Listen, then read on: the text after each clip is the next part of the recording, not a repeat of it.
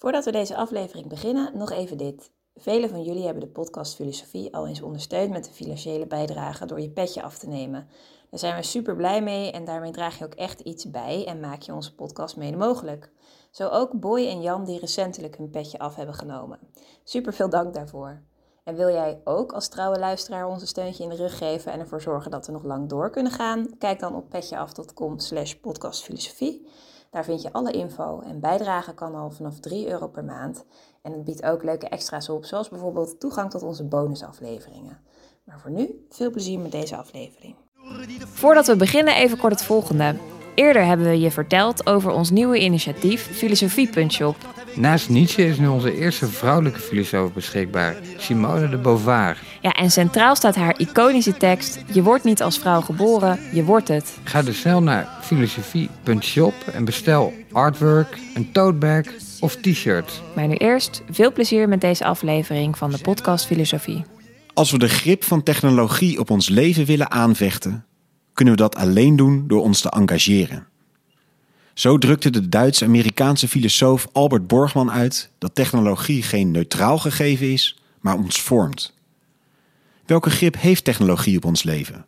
Hoe past de Wok2Go in Borgmans device paradigm?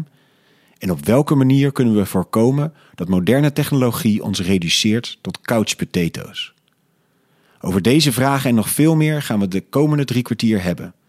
De gast is Kees Zwijstra, de denker die centraal staat, Borgman.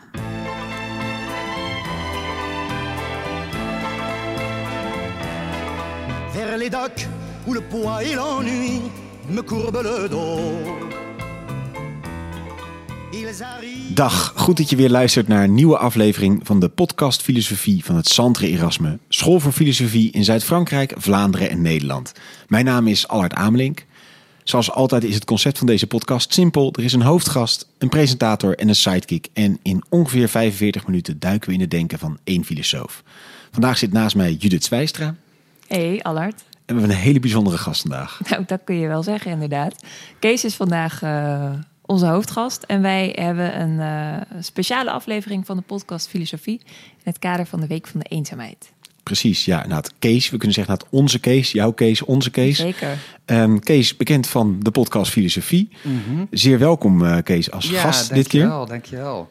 Eh, bij het begin van de Week van de Eenzaamheid. Die begint op 1 oktober. Ja, Ja. precies. Dus een mooie aanleiding. Straks gaan we het over hebben waarom we dan eh, ook Borgman, de filosoof die we vandaag bespreken, eh, bespreken in dat kader. Ehm, iets meer nog over Kees. Kees Zwijstra is filosoof, gepromoveerd in Delft in de techniekfilosofie bij Chano Aydin, die we eerder hebben gehoord in de aflevering over Peurs. Kees is, zoals jullie weten, betrokken bij het Centre Erasme en recent verscheen van zijn hand Verkeerd Verbonden, een boek over waarom sociale media ons eenzaam maken en hoe je dat kunt voorkomen. Nou, misschien daar al een lichte heenwijzing naar de Week van de Eenzaamheid. En we gaan het dus hebben over Albert Borgman, een hedendaagse techniekfilosoof. Hij is geboren in 1937 in Freiburg, het is een eh, Duitse Amerikaan. En hij is momenteel verbonden aan de Universiteit van Montana. En ehm, om maar net even te starten, Week van de Eenzaamheid, waarom Borgman, Kees? Ehm, ja, omdat het, het, het simpele antwoord is dat ik ehm, veel van de ideeën van Borgman ofwel op de achtergrond verwerkt heb in mijn boek, zoals ik dat ook al in mijn eh, proefschrift heb gedaan. Ehm, maar misschien heel even dan eerst, wat, wat is een beetje het, het, het grote thema van, eh, van, van mijn boek, wat, eh, wat, wat deze week verschenen is. Ehm, en dat begint er eigenlijk mee dat ik duidelijk maak in het boek dat eenzaamheid zit in ons, dat gebeurt in ons als mens. En dat, dan is de eerste vraag, wie is de mens dan? Ehm, eh, en in mijn boek eh, werk ik met een notie die ik eigenlijk ontleen aan Levinas. En, en volgens die eh, notie, volgens dat mensbeeld, zijn we als mens schizofreen in een bepaalde zin. Dus we zijn een beetje zelf, we zijn een beetje eigen. En we zijn ook een beetje anders. Hè? Dus we zitten, dat zelf kun je opvatten heel concreet als het zelf in de verhalen die je over jezelf vertelt. Dus de identiteit die je over jezelf ontwikkelt door de verhalen die je over jezelf vertelt. En tegelijkertijd, eh, en dat is belangrijk bij Levinas, hebben we als dat zelf ook een, eh, ja, een hele open verbinding, zou je kunnen zeggen, met de buitenwereld, met de ander, die ons de, weer de input geeft eh, waarmee we vervolgens weer de verhalen over onszelf kunnen gaan construeren. Dat is het beginpunt. Dat is eigenlijk de basisnotie die ik uitwerk in mijn boek. En dan is natuurlijk de vraag, of in ieder geval voor mij de vraag, hoe zorgt die omgeving ervoor waar we in zitten, ja, dat we door die ander, door dat als onderdeel van onze identiteit betrokken worden. En ehm, nou, tegenwoordig is onze omgeving, onze sociale omgeving, vooral ook een technologische omgeving. Hè. Dus ik bespreek vooral sociale media, maar ik heb het ook over robots en, en seksrobots en, en, en, en, en al dat soort ja, bijna nieuwe mensen zou je kunnen zeggen. En dan is de test, de vraag, uh, in, in hoeverre slagen dat soort technologieën erin om ons uit onszelf, uit dat stukje zelf wat in onze identiteit zit, te halen en in contact te brengen met de ander. En waarom is dat een zinnige test? Nou ja, eenzaamheid is, is de situatie waarbij je als het ware te veel in jezelf opgesloten zit. Uh, en, en, en dat contact met die buitenwereld niet meer hebt of minder hebt of, te weinig hebt. En um, ja, dus, dus daar zit eigenlijk het verband met, uh, met, met technologie. En dan de relatie met, uh, met, met Borgman. Ja, waarom dan Borgman? Waarom dan Borgman? Ja, dat was een lange... Een, een lange nee, lange, goed, goed. Ja. Dat, uh... ik zal dat nog niet helemaal verklappen, want we kunnen beter zo even wat systematisch door, door Borgman heen. Maar het, het, het, het, het grote idee wat ik, waar ik stukjes van leen of stukjes van gebruik, is dat um, technologie, moderne technologie en in mijn geval online sociale media, uh, iets doen met uh, uh, hoe de ander voor ons aanwezig is. die is online als het ware een soort van minder sterk aanwezig in een online omgeving, op Tinder of op Facebook of op Instagram. Er zijn, we, we hebben stukjes van de ander. We hebben een foto of we hebben tekst of we hebben. nou ja, symbolen. En dat zijn eigenlijk stukjes van de ander. En um, het punt wat ik maak is dat, ja, dat een soort van verdunde versie is van de ander. En, en naarmate die ander als het ware sterker verdund is aan, uh, online, ja, hebben wij als het zelf wat we zijn minder om ons aan te hechten zodat we steeds meer op onszelf worden teruggeworpen. Ja. En, en, en, en zeg maar de invloed of de, de, de ontwikkeling waarbij technologie iets doet met ja, ik noem het in mijn boek aanwezigheid. Uh, Borgman heeft het vooral over beschikbaarheid. Uh, ja, maar de, de, de, de structuur van mijn argument, uh, dat daar, daar, daar, daar, daar ontleen ik toch wel veel aan, aan Borgman, denk ik. Dus Borgman zegt iets over uh, technologie en zegt iets over wat technologie met ons doet. Ja. En dat heeft ook een belangrijke link zeg maar, met, uh, met eenzaamheid. En je zegt van misschien moeten we uh, maar in Borgman gaan duiken. En uh, zullen we dat ook maar doen? Wat, nou, misschien één stap terug zelfs nog. Want techniekfilosofie, ja. kun je daar een soort... Oh, ja, dus eigenlijk de eerste keer misschien dat we daarop komen. Ja. Maar van, kun je een soort even broad strokes, wat zijn weet je de... Wat is dat eigenlijk? Ja, ja. nou ja zoals Borgman uh, het ziet, uh, uh, en dat is denk ik, daar kunnen we dan het beste bij aansluiten, want we moeten niet die hele, de, de, hele discussie over wat is techniekfilosofie, maar Borgman neemt daar een interessante positie in, denk ik, en dat rechtvaardigt hem ook om hem hier te bespreken in deze, in deze podcast, omdat hij daar toch een nieuwe manier van kijken naar ja, misschien toch wel een van de belangrijkste ontwikkelingen van onze tijd op de kaart heeft gezet. Ehm, Um, en hij, zoals hij het schetst, Borgman zelf in zijn eerste belangrijke techniek-filosofische werk, uh, Technology in the Character of Contemporary Life, uh, uit 1984. Daar laat hij eigenlijk zien dat het techniek-filosofie-debat uh, soort van in drie posities uiteenvalt. je hebt het eerste, de positie is wat hij de substantieve benadering van technologie noemt. Hij verbindt dat in zijn boek uh, vooral aan Jacques, Jacques Ellul, dat is een Franse uh, techniekfilosoof. Maar uh, ja, hij is ook wel, die positie hoort ook echt wel bij Heidegger, de latere Heidegger. We hebben Heidegger al eerder een keer besproken met Dirk de Schutter. Daar hebben we denk ik niet veel over techniekfilosofie gehad.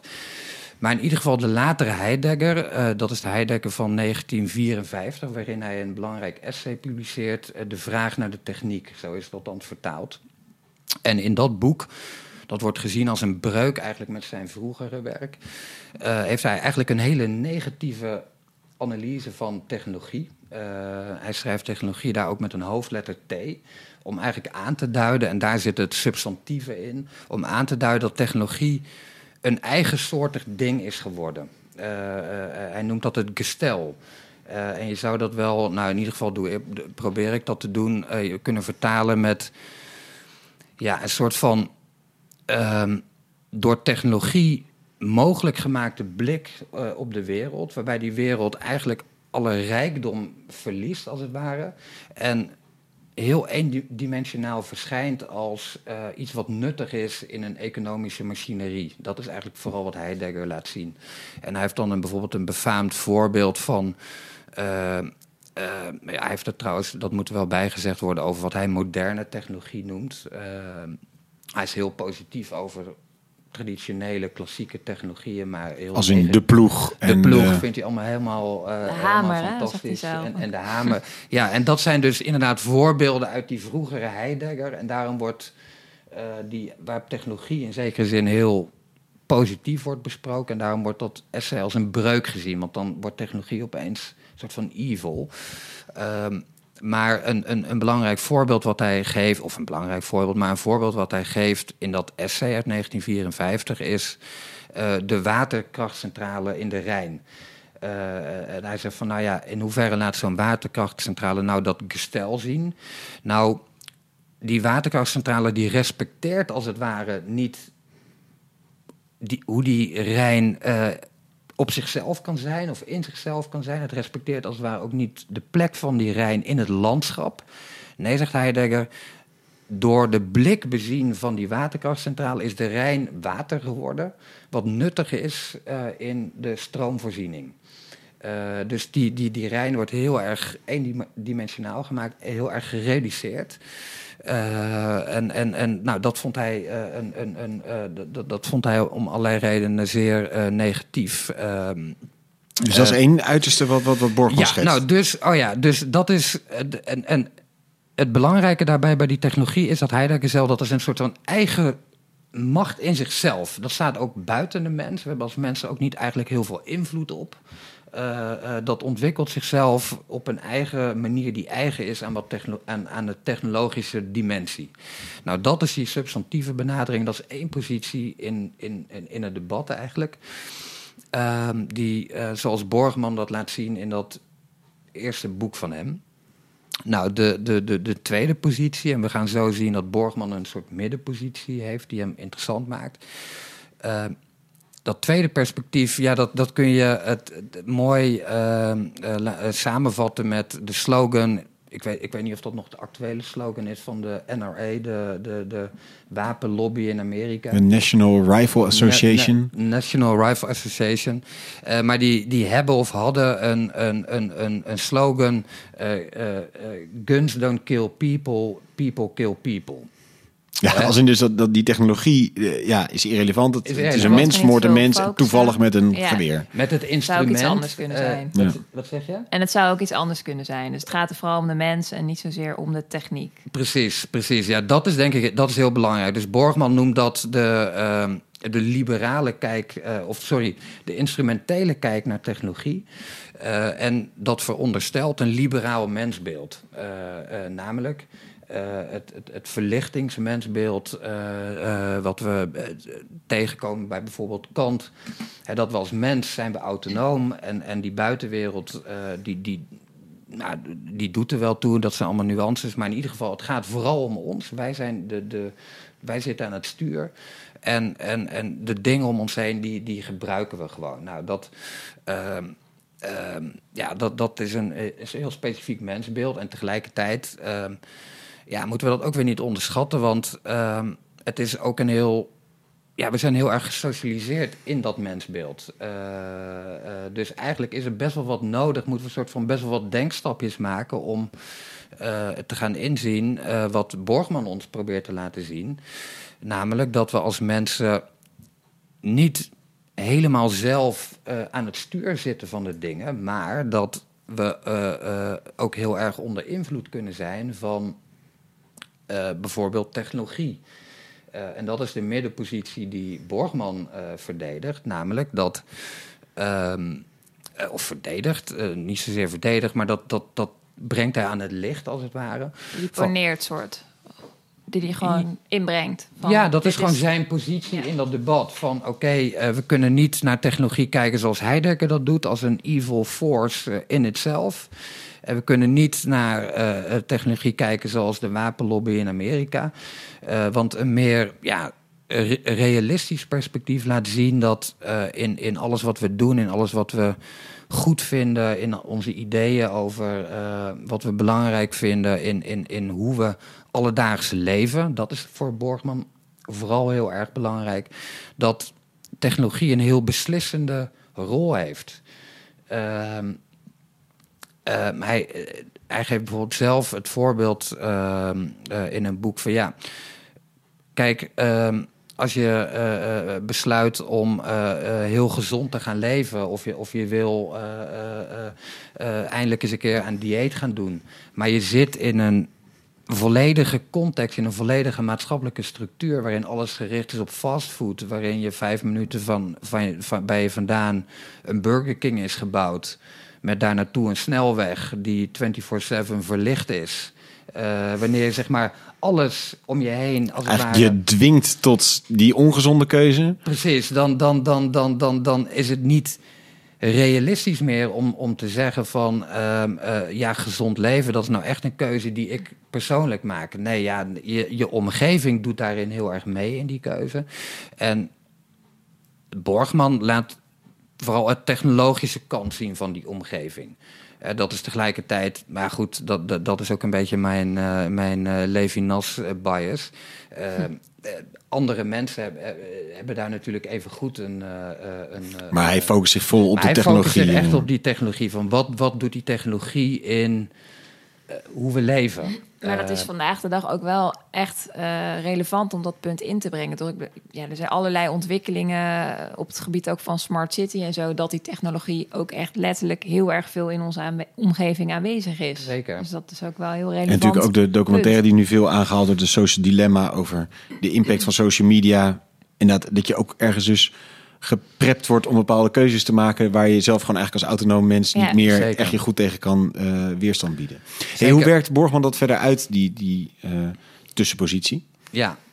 Ehm, eh, ik denk dat een, een, een belangrijke notie eh, om die eh, tussenpositie te gaan begrijpen en ook zijn technologiekritiek, want hij is echt ook wel kritisch op technologie, dan, dan, dan, dan kunnen we het best eigenlijk de, de notie van de device paradigm eh, bespreken. Ehm, dat is een ehm, notie die hem ja, ook op de kaart heeft gezet en, en ook op de kaart heeft gezet als een technologie-criticus. En, en dat is tegelijkertijd denk ik een niet helemaal terecht beeld, want ehm, hij doet heel expliciet de pogingen in zijn boek eh, om eigenlijk de belofte van technologie te redden. Eh, dat, dat is wat hij zegt. eh, dat, Wat is de belofte van nou, technologie? d- en, en in, in, in, in, in relatie met die belofte kunnen we dat device paradigm ook gaan begrijpen. En nou, de belofte van technologie, ehm, volgens hem, ehm, die, die, die, die, die, die, die hangt samen eigenlijk met het verlichtingsideaal. Eh, hij, hij citeert bijvoorbeeld Descartes, die ehm, eh, zegt van, nou ja, ehm, als, als mens om, om eigenlijk het project of de, of de mens echt goed op de kaart te kunnen zetten, of de mens eigenlijk de mogelijkheden te geven die, die, die, die, die het heeft, eh, moeten we de mens eigenlijk bevrijden van eh, de onderdrukking uit van de natuur. Dus het, het verlichtings. De, idee over, over, eh, over technologie is dat het ons bevrijdt van allerlei dingen. Eh, dus de belofte van, van technologie is dat het ons bevrijdt. En nou ja, waar bevrijdt het ons dan van? Nou ja, bijvoorbeeld van heel concrete dingen als ehm, dat je de hele dag aan het hout hakken en water halen bent. eh, dat je in een, in een plaghut woont waar, waar geen elektriciteit is, et cetera. En gewoon echt, zeg maar... ehm, Beetje de. Maslow-pyramide van als je alleen maar in die meest basale behoeftes moet voorzien, kun je niet... Precies, precies. Dat is, dat is echt de, de belofte van, van, van technologie. En en Borgman is er in zijn kritiek heel erg ook uh, voorzichtig in om goed in te zien dat je daar realistisch over moet zijn. Je kunt niet een technologiekritiek hebben uh, waarbij je soort van zegt van nee joh, we moeten terug naar, naar, naar, naar de tijd dat we in, in Plaghut uh, rondom een rokend vuur zaten. Dat, dat is een karikatuur die, die wel eens geschetst wordt van, van Borgman. Ik denk dat dat heel erg onterecht is. Ja, en zelfs zou je dan kunnen zeggen dat dat vuur moet je ook weer maken met weet vuurstenen of zoiets. Dus dan heb je uiteindelijk toch nog een basale vorm van technologie nodig. Dus... Zelfs dat nog, inderdaad. Maar nee, ik denk dat Borgman nee, dat, dat, dat, dat die positie kun je hem helemaal niet, uh, niet, niet toeschrijven. Dat hij dat, dat, zou, dat, dat, dat zou willen. Terug naar een, een, een, een tijd van hout hakken en water halen. Maar wat hij wel zegt, is dat die belofte op een gegeven moment ontspoord is. Dus hij zegt van er is een, een, een stadium, een, een tijd eigenlijk in die technologische ontwikkeling aangebroken. En hij daar, daar volgt hij denk ik heel erg Heidegger in, die het ook vooral heeft over moderne technologie. Dat eigenlijk die belofte van um, bevrijding is omgeslagen in een, in, een, in een nieuwe vorm van terreur. Nou ja, terreur is, klinkt heel zwaar, maar in, in, in, een, nieuwe, in, een, in een nieuwe vorm van, van, van knechting, waarbij ja, de, de, de technologie ons niet meer helpt om te bevrijden van iets. Maar um, ja, uh, ons, uh, nou, Borgman zal zeggen, uh, ja, een soort van reduceert tot couch potatoes. dat is.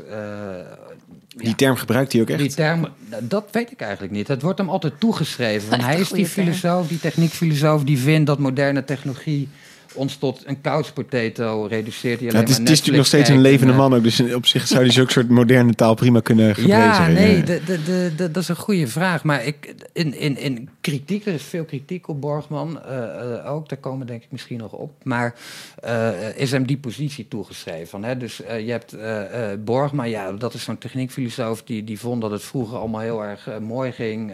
en met hout en met paarden en wagens en zo. En, en nu met internet en, en hij, heeft, hij heeft het ook wel over internet... maar hij heeft het ook heel, wel heel erg vooral over... Ehm, ja, de dingen als... Um, um, snelwegen, uh, auto's. Dat zijn toch wel vooral de dingen waar hij kritisch op is. Maar waarom reduceren die dingen ons dan tot, tot ja? Nou, dat, dat, dat is het device paradigm. En dat is eigenlijk het patroon dat volgens Borgman zichtbaar wordt in moderne technologieën. en wat is dat patroon dan? Is dat zij ehm, ja, ons niet meer ehm, engagement geven. Uh, technologieën betrekken ons eigenlijk niet meer. Uh, maar we gaan het, ik zal dat zo nog wat uitleggen. Maar technologie geeft ons een, een commodity, een, een product wat je direct en onmiddellijk kunt uh, gebruiken. Dus uh, vergelijk, ehm, dat is een voorbeeld wat hij zelf gebruikt. Ehm, de CD-speler die jou de commodity muziek geeft. En de CD-speler is daarbij het device, dus het apparaat, met. En dat is een, een, een contrast wat hij maakt met het ding. Dus hij noemt dat een ding. De piano bijvoorbeeld. Die jou, geeft jou niet de commodity muziek. Nee, zo'n piano die, die, die, die daagt jou als het ware uit om, dat, om hem te gaan bespelen. En zal, omdat het je uitdaagt en door de manier waarop het je uitdaagt, uh, ja, ons als mens meer engageren, meer betrekken. Het, het, het, uh, uh, ja, het, is, het doet een, een, een groter appel, een groter beroep op onze vermogens. Zowel onze lichamelijke als onze ja, verstandelijke vermogens eigenlijk. Dus muziek is er niet ehm, om, om zomaar onmiddellijk geconsumeerd te worden. Maar muziek is iets wat we in een ingewikkeld proces van het leren bespelen van een instrument krijgen. Nou, dat is het verschil wat uh, Borgman eigenlijk uh, aanwijst tussen apparaten en dingen. En het device paradigm is eigenlijk het patroon waarbij moderne technologie ons steeds meer dingen geeft die we onmiddellijk kunnen consumeren, zonder dat het ons nog een heel web aan vormen van engagement biedt. En zit daar dan die ontsporing in wat hem betreft? Dus is dat dan uh, dus die devices en een soort instant behoeftebevrediging die het geeft? Zit daar de ontsporing in van die belofte van het verlichtingsideaal die techniek eigenlijk bood? Ja. ja. Eigenlijk gaat het eigenlijk te goed, haast of zoiets. Dingen kosten zo weinig moeite dat ze niet waardevol meer zijn of ons niet meer nodig hebben haast. Ja, dus dat, dat, zal, dat zal hij zeggen van, uh, want je, je, je kunt natuurlijk de vraag stellen van hoe weet hij dat allemaal zo goed en hoe weet hij nou allemaal zo goed dat, uh, dat, dat mensen liever uh, of, of dat het beter voor de mensen is om je te laten betrekken door je omgeving ehm, dan, dan dat mensen dan, dan een commodity te krijgen, een, een ehm, noem je dat? Um, een engagement juist aan te gaan. Precies, ja, hoe weet hij dat zo goed? Nou ja, hij zegt in, in, in, in, in zijn boek dat hij vertrekt van de, de, de, de golden rule van Aristoteles. En dat is dat een leven wat eigenlijk rijk is aan, aan, aan, aan engagementen eigenlijk. Dus rijk aan verschillende manieren waarop jij de verschillende vermogens die jij hebt... Dus de verschillende lichamelijke vermogens die je hebt, maar ook de verschillende verstandelijke vermogens. En een, een leven wat ja, rijk is aan, aan, aan mogelijkheden om die aspecten van jezelf tot ontplooiing te brengen. Ja, dat is een leven wat meer waard is om geleefd te worden. Uh, dat, dat is wel iets wat je moet uh, uh, in eerste instantie moet, soort van moet accepteren. Wil je in deze redenering meegaan? Ja, maar ik merk dat nog één stap eigenlijk terug interessant vind dat verschil tussen een piano en een, en een cd-speler vind ik iets meer een beetje uh, als het, het ware het verschil tussen het eten van een maaltijd en het prepareren van een maaltijd. Dat, die, dat zijn gewoon ik zou ze weer meer als gewoon compleet andere dingen beschouwen. Het ene is een muziekje opzetten, het andere is muziek maken. Ja, ja. Ik, ik, vind het meer een soort hele andere categorieën dan dat het een soort twee uitingen van dezelfde ding zijn. Snap je mijn ja, vraag? nee, ik snap, ik snap wat je bedoelt. Maar, hij, hij, maar, maar dat, dat, dat legt denk ik precies de, de, de vinger op, op het device paradigm. Namelijk dat, de, dat, dat eten uh, onder invloed van devices, van apparaten geworden is tot eten. uh, tot, tot voedsel innemen. In plaats van het proces van een, van een uh, maaltijd prepareren. En, en een Borgman dus eigenlijk een heel goed punt, omdat Borgman gebruikt dat voorbeeld zelf uh, vaak van, van de cultuur van het uh, uh, tafelen, van het eten. Ja, hij is. Hij is um, ja. Bourgondisch? ja, hij, hij, hij, hij houdt mag, van eten. Hij houdt van eten. nou, hij zegt zelf ergens in een interview dat hij de, de, de, de, de ja, op een manier wel wild romantische ideeën daarover uh, ontleend aan zijn kindertijd uh, in Freiburg. Uh, waarin hij wel zeker in een heel elitair katholiek milieu opgroeide. Ehm, maar waar zoiets was als een cultuur van het eten. en, en daar draait het dus inderdaad niet om het eten, maar draait het om het geheel aan sociale praktijken. Wat zich eigenlijk ontspint rond de tafel. Dat zo, zo letterlijk. Ja, maar die, die snap ik heel goed. Maar ik vind het verschil tussen. Is dan bijvoorbeeld ook het maken van het eten daar een essentieel onderdeel van? Dat is zeker een essentieel onderdeel van. Want... Maar als, als je, want je kunt toch ook heel goed je engageren in een restaurant bijvoorbeeld. Dan wordt het eten voor je gemaakt, uit je zicht ja. en komt op tafel. Of ik kan een week van een traiteur laten komen ja. en dan doe je thuis. heel veel varianten. Ja, ja precies. Maar, maar waar niet per se die. Ik snap wel ja. namelijk dat de magnetron altijd in je eentje wegwerken, zeg maar. Dat ik snap dat dat dan een beetje zijn doenbeeld is. Zoals je misschien dat in je eentje een cd'tje luisteren ook wat droeviger is dan een concert bezoeken of zo. Maar of zelf die piano spelen. Maar ik, ik, ik vind het een beetje. Nee, hij, hij, hij gaat hier ook wel op in. Dus hij ziet ook wel in dat mensen dat hem zouden zullen tegenwerpen. Veel, maar je kan toch ook heel mooi uit eten gaan in een goed restaurant. En dan precies al die, die, die, die, die vooral sociale engagementen ook krijgt... die je zou hebben wanneer je thuis in een mooie omgeving... een, een, een diner bereidt voor mensen. Uh, ja, en, en goed, dat, dat, dat is ook zo. Dus hij ehm, eh, laat denk ik ook wel zien van... kijk, eh tuurlijk is het altijd mogelijk om, om, te, om te zeggen van... nou ja, ik, ik ken een voorbeeld van iemand die ook eh, bij hem eh, samen met, met andere magnetronmaaltijden gezellig aan het eten is. En dat gaat allemaal heel goed. Dat ze daar heel erg geëngageerd zijn Ja. met elkaar. Ja. Eh, maar kijk, dat kan. Maar ik denk dat het belangrijk is om te zien dat het, het centrale punt wat hij maakt. En dat is dat rondom een ding, en, en dat moet je zo concreet zien als een tafel, eh, eh, eh, krijg je meer dan wanneer je met elkaar rond een, een walk-to-go zit. Wat, wat krijg, en, wat, en wat krijg je dan? En dat is denk ik belangrijk. Hij zal zeggen vooral een geheel aan sociale praktijken. Dus een ding is iets wat, en dat is een, eigenlijk een notie die die ontleent aan de vroegere Heidegger, die nog niet eh, eh, zo heel kritisch is op, eh, op technologie. Wat, want wat zegt Heidegger in Sein und Zeit, dus zijn grote eerste werk, van hoe krijgen wij hoe maken wij als mensen wereld? En waarbij wereld niet is de wereldbol of, of, of dat wat je ziet op Google Maps. Nee, wereld is een geheel aan betekenisvolle relaties. Dus die, dat, dat geheel, dat web aan betekenissen, dat noemen we wereld. Nou, hoe maken we wereld? Nou, Heidegger zegt in zijn Zeit dat dat eigenlijk verloopt via de omgang die we hebben met de dingen om ons heen. Dus ehm, via ehm, een, een tafel, via, eh, nou hier zitten we met microfoons eh, bij elkaar. Ons gesprek is georganiseerd rond en misschien ook wel door deze microfoons. Door, door hoe ze staan en hoe die dingen functioneren. Nou, dat punt neemt Borgman heel erg over. Dus eh, eh, eh, eh, device paradigm, dat geeft een commodity. En een commodity is eigenlijk iets wat vooral misschien ook wel geconsumeerd moet worden in isolatie. Dat is iets wat jij doet.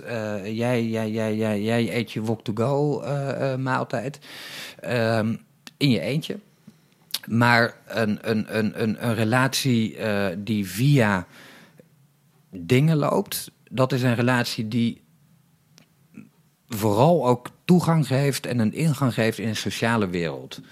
Eh, en inderdaad, ja, dat zegt hij ook wel. Ja, iemand, iemand kan best wel voorbeelden aanwijzen van, van specifieke situaties waarin een device, dus waarin een apparaat ook hele mooie sociale eh, relaties eh, eh, vormgeeft. Dus als we dat naar nu vertalen, nou ja, er zijn inmiddels al, al tal- talloze mensen via Tinder getrouwd of, of, of wat dan ook, of via Facebook zijn de mooiste vriendschappen ontstaan. Ja, dat is natuurlijk wel waar, maar dat is ook wel een beetje de, de vertaling van, die ik ook toch wel een beetje maak met ideeën van Borgman naar echt anno nu. Er is toch denk ik wel een paradigma in online sociale media die, die vooral, die, die, die, die vooral eh, ons gericht op onszelf laten zijn. Eh, waarin waarin zo'n medium het vooral helpt om jezelf te uiten, om, om, om, om jouw mening naar voren te brengen of om anderen te laten zien hoe mooi en succesvol leven jij leidt op Instagram. En die media hebben het in principe niet in zich, in de architectuur van die media, in het, in het ontwerp van het algoritme.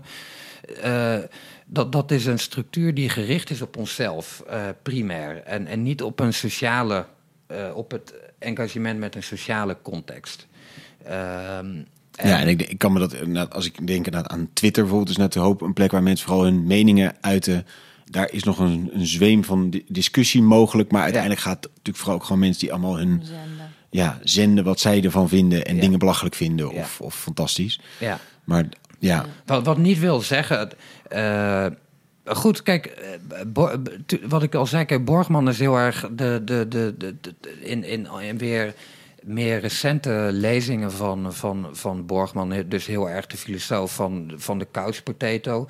Eh, de, dus die, die vindt dat, dat, eh, eh, dat, dat mensen tot couch potatoes worden door de apparaten waarmee ze omgaan. En dan is kritiek vaak van ja, maar kom op. Nee, ja, kijk, eh, Spotify bijvoorbeeld is dan een voorbeeld wat gebruikt wordt van... Kijk, Borgman wil dat we allemaal weer eh, eh, gitaar gaan spelen en piano's gaan leren spelen. Nou, dat, is, dat, dat, dat kan een boeiende praktijk zijn voor iemand. En, en daar heb je mooie contacten mee met, met koortjes en noem maar op. Maar ja, dat is wel een heel simpele manier eigenlijk ook van kijken, kijken naar bijvoorbeeld Spotify. Want het is heel goed verdedigbaar om te zeggen, ja, via Spotify ben je in contact met een enorme eh, wereld aan, aan muziekstromingen, aan, aan, aan, aan artiesten en, en, en, en, en Ja, waar je nooit een cd van zou kopen bijvoorbeeld. Precies. Ja. Eh, en, en, en, en dus is dan de kritiek van ja, maar je moet niet. Ja, maar zo, zo moet je niet naar technologie kijken. Je moet kijken naar. naar je, sterker nog, je kunt helemaal niet naar de technologie kijken. Zij, zij vinden dan Borgman eigenlijk ook nog een beetje te substantief. Hè? Dus die positie die we aan het begin. Ja. tegenkwamen. Nee, ze zeggen nee, je moet nog specifieker naar kijken. Naar ieder individueel technologie eigenlijk. En wat doet zo'n specifieke technologie, wat, wat doet Spotify? Je kunt niet helemaal met dat device paradigm in de hand Ja. zeggen... Spotify reduceert eh, mensen in hun muzieksmaak eh, of iets dergelijks. Maar met Nou, dat device ja. paradigm is het dan wel voor, ons, voor onszelf ook wel weer boeiend om, om eens te kijken van joh, wat gebruik ik eigenlijk allemaal aan technologie in mijn leven? Omdat dat op zich wel een mooi haakje geeft om eh, te bekijken wat het in je eigen leven doet, toch? En Ja, daar is dat- wel een nuttig ding voor. Dat, dat, denk, ik, dat denk ik ook. Dus kijk, ehm, eh, ik, eh, natuurlijk moet je concreet zijn en, en, en kijken naar, naar, naar wat doen concrete technologieën. Maar ehm, ik, ik, in de zin van je, je moet kritisch en voorzichtig zijn. eh, maar het is ook wel, wel, wel, wel eh, de, de, de portée is natuurlijk wel heel erg van moderne technologie geeft eh, eh, commodities. En, en, en de vraag die jij je in je, eh, in, in je persoonlijke bestaan wel heel erg kunt stellen is... ehm, ja, hoe gecommodificeerd wil ik dat mijn leven is? Eh, eh, bepaalde dingen zul je van zeggen, die wil ik wel heel erg dat ze gecommodificeerd zijn. Andere dingen weer minder. En eh, het, het helpt wel, denk ik, om daarmee als het ware dit achterliggende idee mee te nemen. Ehm, ehm, maar Ja, en, en dan zou je dus eigenlijk zeggen bijvoorbeeld... ik vind het oké dat mijn eten vrij passief geconsumeerd... die ik niet eens, wat dat dit wil ik gewoon aftikken, zeg maar. Ja, precies. Maar mijn muziek wil ik heel graag geëngageerd en groots neerzetten. Precies, Ja, ja. zo kan je bepaalde Ja. keuzes maken. Dan. Zo kun je Ja. keuzes maken. En, maar die keuzes kun je natuurlijk alleen maar maken als je. Eh, eh, nou, in ieder geval die, die, die eh, wapenlobby kijk op, op technologie afwijst. En zegt van nee, maar technologie doet wel degelijk iets in, in mijn bestaan. En de vraag is alleen wat en, en hoe dan. En, en wat vind ik daar vervolgens van. Maar dat begint natuurlijk wel bij een analyse die het blootlegt. En, en, en, en, en, en jij die, die meegaat in, in zo'n ja, Borgman noemt het in een later eh, boek, ja, een reële kijk naar ehm, jouw bestaan. En reëel in de zin van dat je ziet dat jouw bestaan verweven is met de technologische context waar je in staat. Ehm, Ja, en ik, dus die eh, eerdere kijk zeg maar, op technologie van ja, dat is vooral instrumenteel en het is het, en technologie is neutraal. Dat ik denk dat veel van ons het ook wel zullen meevoelen vandaag de dag in de discussies die er allemaal zijn over algoritme en zo. Want dat is ook een beetje een naïeve manier misschien om naar technologie te kijken. Dat jij het alleen gebruikt en dat het niet eh, Jou vormt Jou ook. weer En- vormt. ja. Dus dat, dat Ja. ja. Ja, ik, ik, ik, ik weet het niet. Ik denk, ik, ik, ik denk toch dat wij heel erg gesocialiseerd zijn in, in het kijken. dat- Het zit, ons hele rechtssysteem eh, gaat er ook vanuit dat wij als mensen autonoom zijn.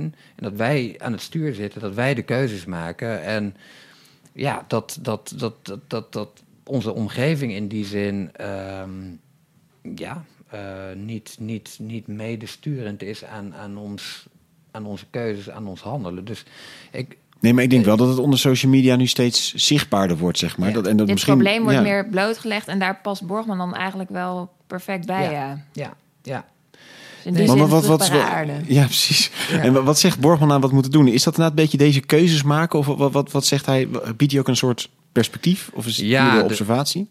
Ja, dus hij heeft een, een, een, een soort ehm, hervormingsplan. eh, waarin hij het, het oorspronkelijke plan van technologie wil redden. Dus hij wil eigenlijk dat, dat technologie weer doet wat het is. Namelijk wat het ooit deed, namelijk ons bevrijden.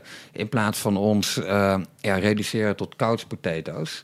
En dat eh, hervormingsprogramma, dat noemt hij Focal Things and Practices. En dan vocal in de, in de zin van niet in de zin van gefocust. Dus met een F en niet met een met V. een F en niet, en niet met een V. Dus ehm, hij, hij, hij, hij, verwijst ergens naar van ja, focaal in de zin van eh, een, een brandpunt. Eh, en en ehm, wat is het idee dat wij ehm, ons leven als het ware moeten stabiliseren of balanceren met een, een, een plek geven aan dingen ehm, die, die onze aandacht, eh, eh, onze, ons bestaan eigenlijk ja, volledig, eh, eh, ja, zou je kunnen zeggen, eh, naar zich toe trekken. Die, ons, die, die een brandpunt zijn waarom, waaromheen een geheel aan ja, betekenisvolle sociale praktijken vorm kunt krijgen. En naast die vocale dingen. Kijk, Borgman bespreekt bijvoorbeeld heel concreet, en dat, dat laat wel zien dat hij natuurlijk wel heel erg eh, in een soort van romantisch eh, eh, spectrum zit. Van ja, de open haard is zo'n vocaal ding. Namelijk, daar kun je letterlijk omheen zitten met, een, met, met een groep mensen. Ehm, en ehm, eh, eh, daar zijn ook dingen voor nodig om die open haard brandende te krijgen. Je moet eh, hout hakken, je moet dus een bepaalde vaardigheid ontwikkelen in dat hout hakken. Je moet een bepaalde vaardigheid ontwikkelen in het aansteken van die open haard. En eh, je moet dat ding ook blijven onderhouden. Dus dat ding, die open haard, blijft jouw aandacht als het ware opeisen. En hij zegt dus eigenlijk, je moet zulke soort dingen vinden in je leven. Precies, en, en, en een plek geven. Die, die, die- je moet je, je, je leven eh, laten eh, eh, centreren door vocale dingen en vocale praktijken. En vocale praktijken zijn dingen die, praktijken die mogelijk gemaakt kunnen worden door een vocaal ding. Eh, maar het kunnen ook ehm, dingen op zichzelf zijn. Dus hij geeft bijvoorbeeld een, een, voorbeeld van ehm, hardlopen. Dat vindt hij een, een, een vocaal ding, omdat, eh, of sorry, een vocale praktijk. Omdat je via eh, dat, dat, dat hardlopen, ehm, ja, door die activiteit word jij in, in, in, in, in een natuurlijke omgeving geplaatst. En laat je je eigenlijk ehm, ja, daar op een bepaalde manier ook door ehm, engageren. Jij moet reageren op die omgeving. Als het koud is, moet je daarop reageren. Als het warm is, moet je daarop reageren. Ehm, ja, die omgeving is daar ook als een bepaalde weerstand eh, waarbij je op, op, op moet reageren. Nou, en zo kun je eigenlijk die, die, die, die, die ontwikkeling van het device paradigm, waarin jouw bestaan steeds meer gecommodificeerd wordt, steeds meer richting gemak gaat, kun je als het ware meer bodem, meer, meer, meer stevigheid geven door daarnaast in je leven heel concreet ruimte in te bouwen eh, eh, voor vocale dingen. Dus dingen die jou niet zomaar een commodity geven, maar die jou Ja, jouw vragen eigenlijk. jou, ja, precies, eh, inderdaad. En, eh, en vocale praktijken die eh, datzelfde doen. Eh, Hey, en als we dat, misschien is het leuk om dat nog even te koppelen aan eenzaamheid, hoe we deze eh, podcast ook begonnen. Dus zou je ook misschien iets van voorbeeld kunnen geven van eh, wat voor soort vocale praktijken kan je nou inbouwen naast sociale media die misschien meer eh jou commodifyen, zeg maar. Wat kan je dan voor vocale praktijk daarnaast inbouwen? Ja. Ehm, wat, wat Borgman ehm, ook, ook zegt in, in dat boek, en, eh, of in zijn, in zijn boek, en ik, ik heb verge- ontwikkeld een vergelijkbaar argument. Kijk, ehm, dat moet ook een bepaald doel hebben. Je moet iets willen bereiken met die, met die vocale dingen en vocale praktijken. Dat moet een bepaald herstel zijn of een bepaald herwinnen van een bepaald belang. Iets wat van focal concern is. Eh, dus van ultiem belang in jouw bestaan eigenlijk. Dat, dat moet, je moet iets willen redden, als het ware. Er moet iets op het spel staan door het device paradigm. Ehm, dat wat op het spel staat en wat voor jou enorm belangrijk is, dat is je focal concern. En dat red je door focal things and practices. Nou, oké. Eh, als je dat schema een beetje vertaalt naar, naar, naar eenzaamheid. eh, dat, dat doe ik overigens niet zo precies hoor, zoals Borgman dat doet. Maar ehm, het, het, het, het, het, het, het ultieme eh, belang wat volgens mij in eenzaamheid op het spel staat, of eigenlijk twee ultieme belangen, zo probeer ik dat in dat boek eh, duidelijk te maken, is dat enerzijds draait eenzaamheid om ehm, het, het, het met jezelf kunnen uithouden. Een kant van eenzaamheid is ook dat je het met alleen zijn goed kunt uithouden. Je kunt niet altijd maar naar de ander eh, hollen en hopen dat de ander jou redt van je eenzaamheid. Onderdeel van eenzaamheid is ook dat je met jezelf eh, leert omgaan en dat je dus ook heel concrete praktijken moet inbouwen die jou daarin trainen. Want dat zijn ook Om goed Ja, alleen te leren om zijn. goed alleen te leren zijn. Want het is een, een, een bestaanskunst, iets waar je goed in moet worden. Eh, Borgman zou zeggen, ja, dat is ook een beetje een klassieke As- Aristoteliaanse eh, benadering van je moet daar excellent in worden. Je moet eigenlijk meesterschap krijgen over je alleen zijn.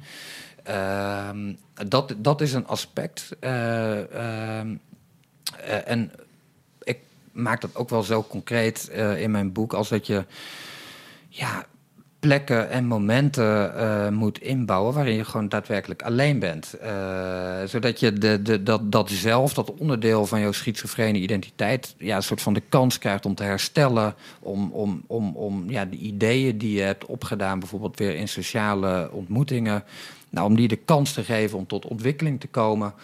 Eh, nou, dat is, dat is onderdeel van ehm, idee van Borgman eigenlijk toegepast op eenzaamheid. Eh, en met de ander, dus die andere kant van je identiteit. eh, eh, hè, want eenzaamheid draait uiteindelijk natuurlijk ook om het succesvol contact kunnen maken met een ander. Ehm, ja, ik, ik denk dat daar toch voor nodig is dat je je bewust bent dat, dat het belangrijk is om je online sociale verkeer in ieder geval te balanceren met daadwerkelijk fysiek sociaal verkeer. Omdat ehm, ik denk dat ehm, het, het, een, een, een, eh, het, het vergt een bepaalde deugd, nou, een soort van moed. eh, waarin je om, om daadwerkelijk contact aan te gaan met anderen, waarin je jezelf dat ook dus moet trainen. Hè, dus eh, eh, een, een, een, een deugd is niet iets wat je zomaar krijgt. Nee, daar moet je in oefenen en in trainen. En dat Ja, betekent, dus ook sociaal contact met de ander moet niet een commodity zijn die je zo plat wordt aangereikt, maar is een, ook een ding waar je... dat moet je het moet een ding werken, zijn, zeg Precies. maar. Ja, Ja. in zekere zin, eh, ja, klopt. Ehm, Maar je moet dan eigenlijk dus eh, fo- focale dingen of praktijken ontwikkelen om en goed met jezelf alleen te kunnen zijn en om die ander goed te kunnen ontmoeten. Of zo. Dus als ik alleen thuis ben op een avond, zou ik, ik ben er even hardop aan denken, eh, zou ik een soort praktijk kunnen ontwikkelen van dat ik het gezellig maak, dat ik de kaarsjes aandoe en misschien een muziek ja, dus dat, dat zou jij doen zou ik doen. een boekje lezen of zo. In Ja. plaats van in het donker gaan zitten en Ja. denken, nou, weet je, dat je het ook een beetje aantrekkelijk maakt. Zeker, een beetje zelf uit te houden.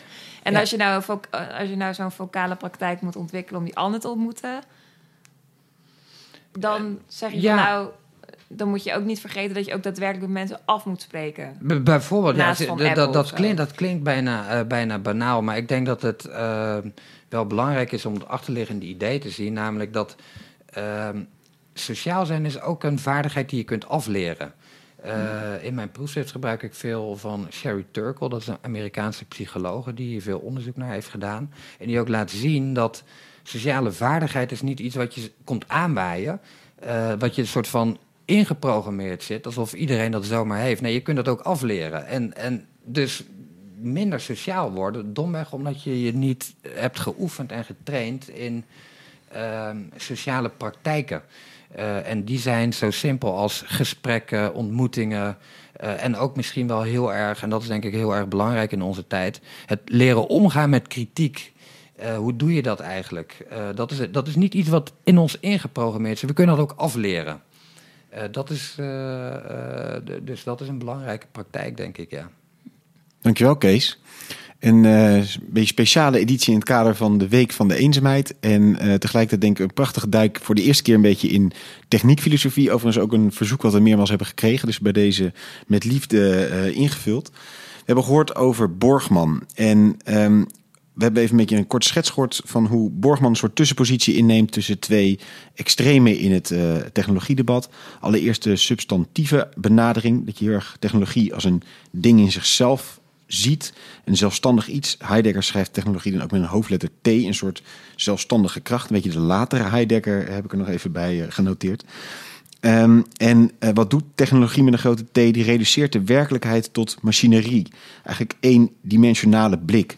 Uh, en Kees noemde het voorbeeld wat, uh, wat Heidegger noemt. De waterkrachtcentrale in de Rijn. Die reduceert eigenlijk die hele Rijn met zijn context, met de stroom, met poëzie. Misschien omheen zelfs nog allemaal tot het maken van ja, gewoon energie opwekken.